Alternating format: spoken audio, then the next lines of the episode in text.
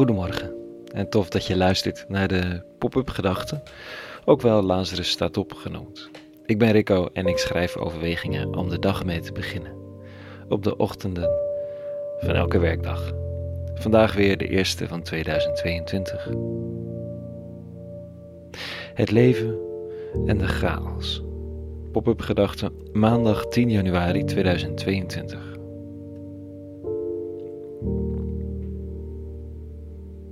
Het is stil buiten. Ik sta uit het raam naar een donkere gracht. Stilstaande auto's, geparkeerde fietsen. De wereld staat nog op pauze, zo lijkt het. Voor me de Bijbelteksten van de dag. Ik lees vanochtend weer wat er in de kerken wereldwijd vandaag gelezen zal worden. Het is een manier om de dag bewust te beginnen. Even intunen met die oude wijsheden waar eeuwenlang mensen al inspiratie in vonden. En dat voordat de dag begint. Een oefening een dagboek soort van, om te delen. Of je dit nou luistert of iets schrijft of op een andere manier de aandacht richt.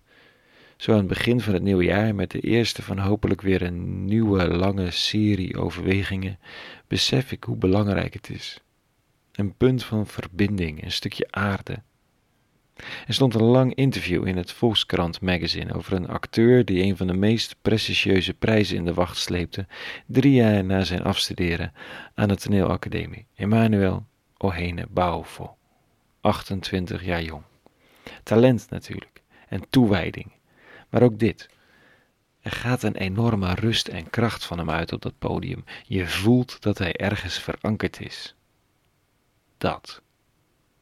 En of dat dan komt omdat hij ook om zes uur opstaat, of omdat hij dan bidt, dat weet niemand. Maar rust en kracht, dat zijn wel dingen om naar te verlangen in chaotische tijden als de onze. Ik lees vandaag dit. Uh, toen hij, Jezus, eens langs het meer van Galilea liep, zag hij Simon en de broer van Simon, Andreas, terwijl ze bezig waren het net uit te werpen in het meer. Ze waren namelijk vissers.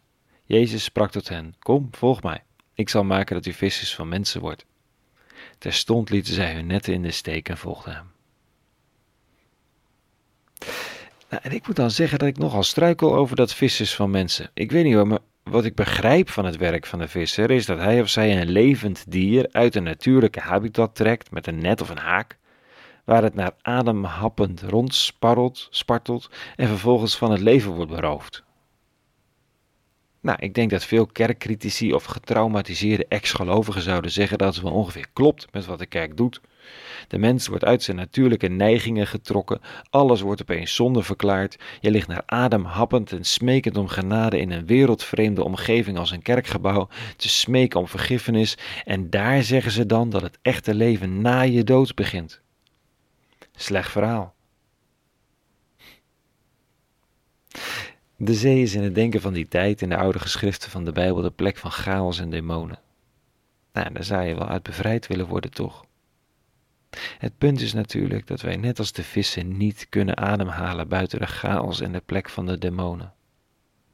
Er zijn tallozen die het hebben geprobeerd om de wereld, jouw leven of dat van de mensheid te bevrijden van de chaos en de demonen. En het levert meestal een verschrikkelijk zuurstofloos resultaat op. Marx was er zo eentje, Hitler waarschijnlijk ook. Er zijn er die nu zeggen, er zijn er nu die ook zeggen dat als je maar teruggaat naar de oude, het oude Germaanse West-Europa, de oorspronkelijke zuiverheid, dat je dan vrij zult zijn van chaos en demonen. Maar die wereld bestaat niet. Er is geen lucht buiten de chaos en de demonen. En dan bedoel ik met demonen niet allerlei spookachtige verschijningen, maar gewoon muizenissen en angsten, paniek en frustratie. Dat wat je uit je slaap houdt, en bij daglicht dan opeens niet zo dramatisch meer lijkt. Misschien zegt de man van Nazareth hier niet meer dan: Je werkt met vis, ik zal jullie met mensen leren werken. Zodat je begrijpt hoe ze leven, wat ze drijft, waar ze samenkomen, wat ze vrezen en hopen. Dat zou kunnen, ik weet het niet. Is ook niet het belangrijkste vanochtend. Het besef dat we leven in chaos en onzekerheid en dat daar buiten geen lucht is voor ons, dat dit onze natuurlijke habitat is, dat kan ons wat vrede geven met de absurditeit van het leven. En dat betekent dat er kleine ankerpunten nodig zijn. Vaste momenten of wijze mensen of een plek om even te aarden. Want de wereld wordt er niet minder chaotisch door. Maar in de chaos leer dan wat rust en kracht. Dat wens ik je toe in elk geval. Ik hoop dat deze oefeningen met de teksten het mij weer brengen en de lezers en luisteraars, tenminste af en toe. Tot zover vandaag. Morgen weer een nieuwe pop-up gedachte en vrede gewenst.